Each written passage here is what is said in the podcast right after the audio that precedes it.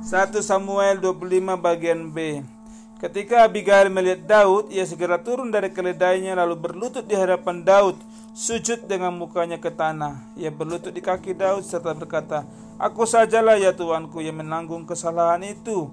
Izinkanlah hambamu ini berbicara kepadamu dan dengarkanlah perkataan hambamu ini. Janganlah kiranya Tuanku mempedulikan Nabal, orang durjana itu sebab seperti namanya demikianlah dia. Nabal namanya, bebal orangnya. Hamba sendiri tidak melihat anak buah yang Tuanku suruh. Sekarang Tuanku demi Tuhan yang hidup dan demi hidupmu karena Tuhan sudah mencegahmu menumpahkan darah dan membalas dengan tangan sendiri. Biarlah musuh-musuhmu dan orang yang berikhtiar mencelakakan Tuanku menjadi sama seperti Nabal. Inilah pemberi, pemberian yang hamba bawa untuk Tuanku biarlah diberikan kepada anak buah yang mengikut Tuanku. Maafkanlah kiranya kelancangan hambamu ini. Tuhan pasti membangun bagi Tuanku keturunan yang kokoh karena Tuanku melakukan perang Tuhan dan kejahatan tidak didapati padamu selama hidupmu. Seandainya orang yang bangkit mengejarmu dan mengincar nyawamu, nyawa Tuanku akan terbungkus dalam bungkus orang-orang yang hidup bersama Tuhan Allahmu. Tapi nyawa musuh-musuhmu akan dilontarkannya dari pelompar pelontar umban.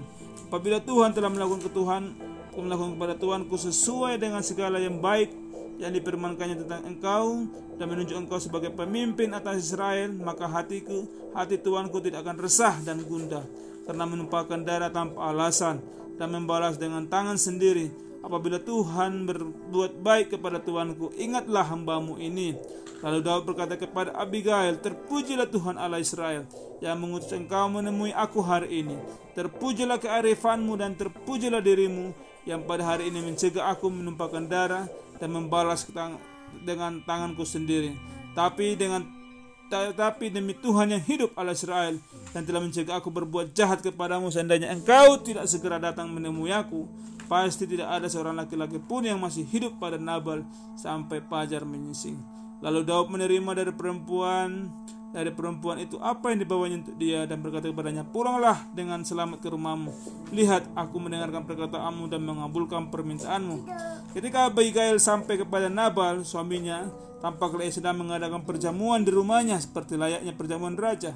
Hati Nabal riang gembira dan ia mabuk sekali, mabuk suaminya. Perempuan itu pun tidak memberitakan apa-apa kepada sampai pajar menyising. Keesokan paginya, ketika Nabal sudah sadar dari mabuknya, Istrinya menceritakan kepadanya semua hal itu. Lalu terhentilah jantungnya si Nabal dan tubuhnya kaku membatu. Jadi dia membatu ya. Kira-kira 10 hari kemudian Tuhan memukul Nabal sehingga ia mati. Mendengar Nabal telah mati, Daud berkata, Terpujilah Tuhan membela aku dalam perkara penghinaan Nabal terhadapku, yang mencegah hambanya berbuat jahat. Tuhan telah membalikkan kejahatan Nabal ke atas kepalanya sendiri. Kemudian Daud menyuruh orang berbicara dengan Abigail untuk mengambil dia menjadi istrinya. Siapa yang diambil jadi istri Daud? Siapa yang diambilnya? Abigail.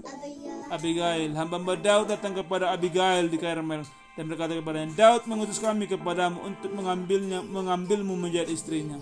Perempuan itu pun bangkit lalu sujud di sujud di lalu sujud dengan mukanya sampai ke tanah dan berkata, hambamu ini siap menjadi pelayan untuk kaki para hamba Tuanku. Bunda Abigail segera bangkit dan menunggang keledainya diiringi lima orang pelayan perempuan yang mengikuti utusan Daud dan menjadi istri Daud. Juga Ahinoam dari Yisra telah diambil Daud menjadi istrinya. Kedua perempuan itu menjadi istrinya. Adapun Saul telah memberikan Mikal putrinya istri kepada Palti bin Lais yang berasal dari Galdim. Amin.